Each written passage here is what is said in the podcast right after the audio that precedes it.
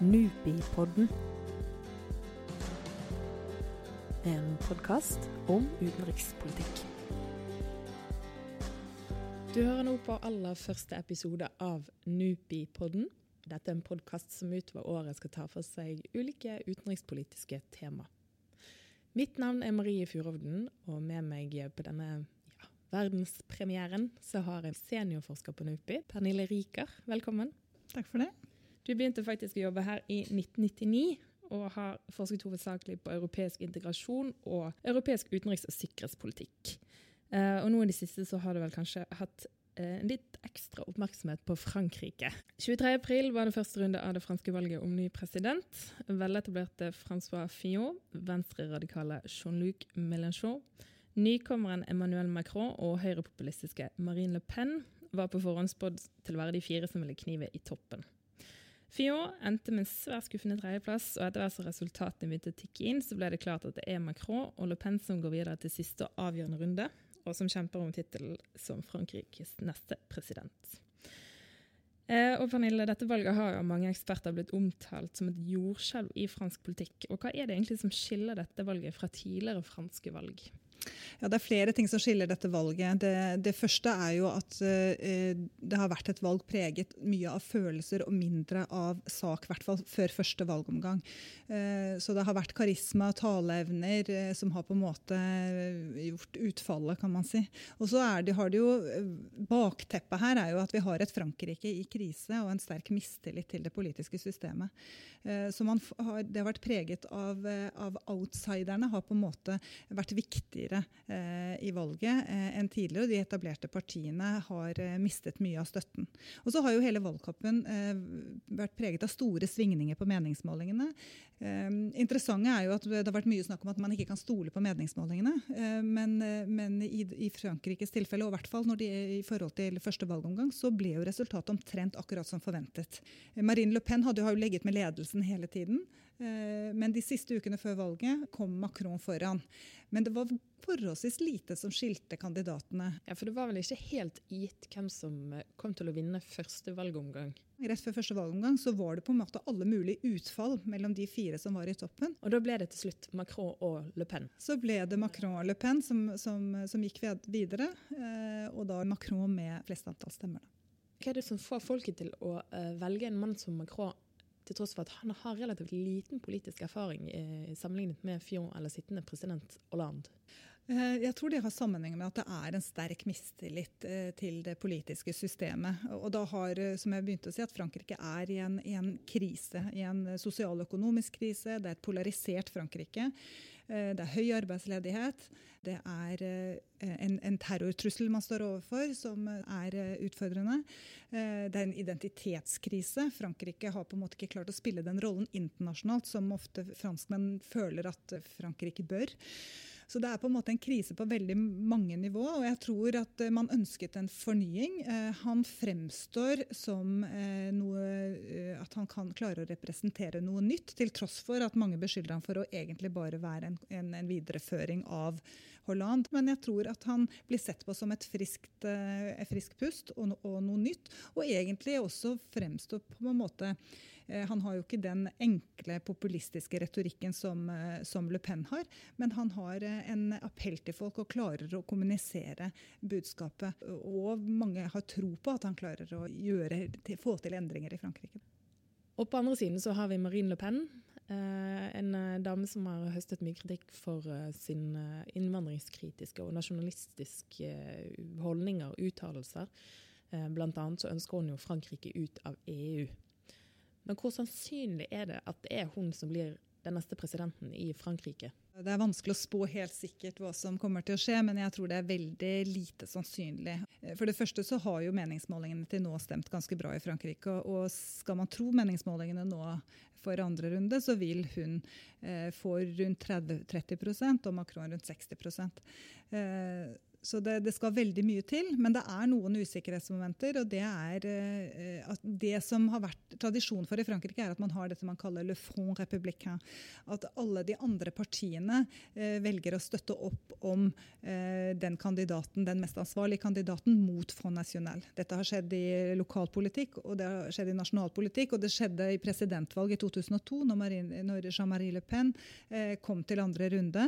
Eh, og alle, inkludert Mélenchon, eh, oppfordret sine støttespillere til å stemme på Chirac. Har man sett det samme denne gangen? Det har jo vært litt annerledes denne gangen. Eh, Fillon gikk raskt ut og sa at han oppfordret sine til å stemme på Macron. Det gjorde også Benoit Hamon. Men Mélenchon har valgt å ikke gjøre det. Og det er klart at det er hans velgere man nå er usikre på hvor de vil gå. Jeg tror nok at de aller fleste vil stemme Macron, fordi at det, politisk så er de såpass langt fra Eh, Le Pen, selv om det er mange fellestrekk mellom, mellom Mélenchons politiske program og Le Pens, men når gjelder, spesielt når det gjelder innvandring, eh, så, så, så, skiller de seg ganske kraftig. Og for mange strider de, de, imot deres overbevisning og stemmer Le Pen. Men det kan selvfølgelig være en del som velger å ikke stemme. Men selv om det er lite sannsynlig at det er eh, Marine Le Pen som blir den neste presidenten, eh, om hun nå likevel skulle vinne, hvilket Europa er det vi kommer til å se da? Ja, Det er jo det som er på en måte det mest urovekkende. I sitt program så ønsker hun å ha en folkeavstemning om det franske EU-medlemskapet. Så det er, helt, det er, helt sikkert at, at, Frankrike vil spille en annen rolle i Europa eh, med, Le, med, Marine Le Pen som president, og vi vil få et svekket EU, et mer splittet EU. Om hun vil klare å få Frankrike ut av EU, er et annet spørsmål. For det at selv om hun får en folkeavstemning hvor majoriteten av franskmenn vil stemme for en utmeldelse av EU, så er det sånn at i Frankrike Frankrike så er det nedfelt i konstitusjonen at Frankrike er medlem av EU. Det betyr at det må være en konstitusjonsendring. Eh, en konstitusjonsendring kan bare foreslås av regjeringen i Frankrike, og den må ha støtte med minst 60% i begge kamre. Og jeg tror ikke det er sånn i Frankrike at selv om du får en folkeavstemning for et så radikalt forslag som å melde Frankrike ut av, av, av, EU, så tror jeg ikke nødvendigvis at parlamentet ønsker å følge det rådet. Men når det er sagt, så, så, er det helt sikkert at det vil føre til et svekket EU. For det betyr at Frankrike vil være mindre opptatt av EU-samarbeidet. Vil være mindre opptatt av å styrke det fransk-tyske båndene, være mer opptatt av å styrke båndet til Russland. Hva som da blir konsekvensene for EU på sikt, er veldig usikkert. Veldig mye av Le Pens politikk vil jo være vanskelig å gjennomføre fordi hun vil ha veldig store problemer med å få støtte i parlamentet. For sånn som det ligger an nå, så har vel bare Front National to representanter i parlamentet? Ja.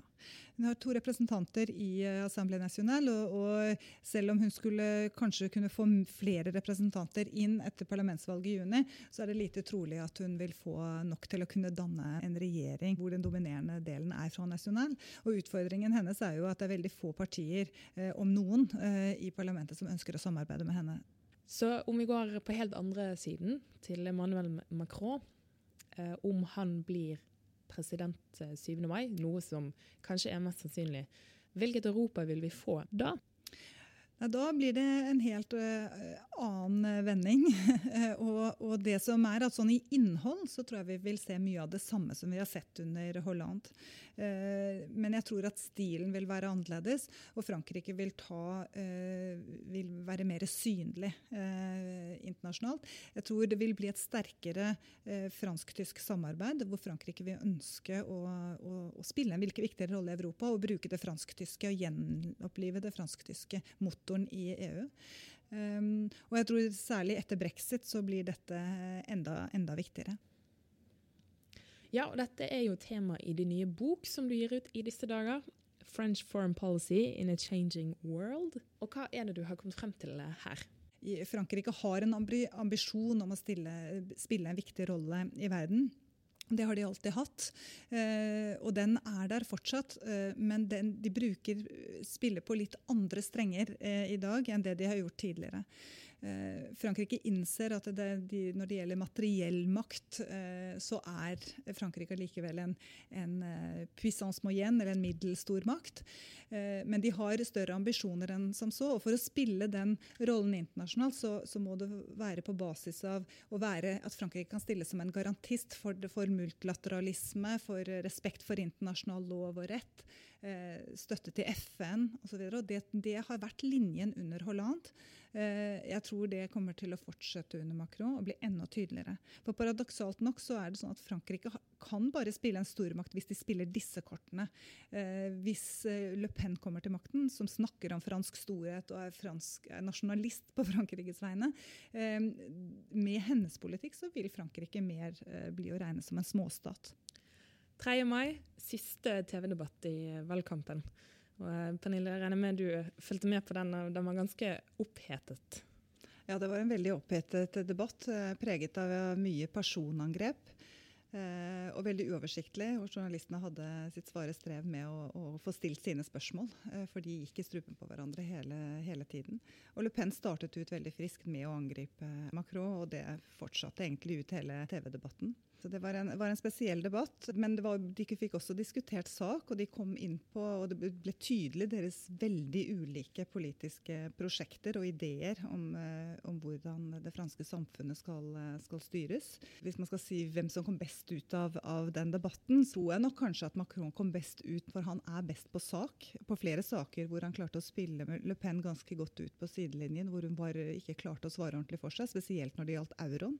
Men når det gjaldt sikkerhet, så kom hun litt sterkere på banen igjen og hadde klare meninger og klar profil på hva hun ønsker å gjøre, og hva som er galt med det sittende regimet. Og hun knyttet jo han veldig tett opp mot Holland. Hvis man skal se på hele debatten, så tror jeg nok, og det er også i samsvar med hva franske medier eh, dagen etterpå, hvordan de analyserte denne debatten, er at Macron kom ut som vinneren framstår som mest troverdig. Så disse velgerne som er litt usikre nå, tror du Macron har sikret seg disse stemmene? Eh, det er litt vanskelig å si, og mange, mange tror kanskje at ikke det endrer så veldig mye på, eh, på den, de siste meningsmålingene vi har hatt, som, hvor, hvor, det ligger eh, med 60% til, til Macron og, og 40% til Le Pen, og at det vil kanskje bli omtrent sånn. Men hvis, hvis, man skal tenke at det kunne ha beveget noen velgere, så tror jeg kanskje at en del av Mélenchon sine velgere som har vurdert å stemme på Le Pen, kanskje ikke gjør det likevel. Fordi hennes retorikk gjennom debatten gikk på, eh, på, på, på Særlig da på sikkerhet, eh, liksom kontroll, innvandringskontroll. Det gikk på, Kanskje hun appellerte nok mer til de som er på det ytre høyre, altså Fion eller eh, Fions velgere, tror jeg. Men, men det er litt vanskelig å si.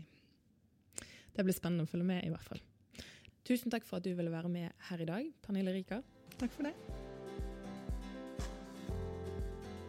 Du har akkurat hørt første episode av Nupi-podden.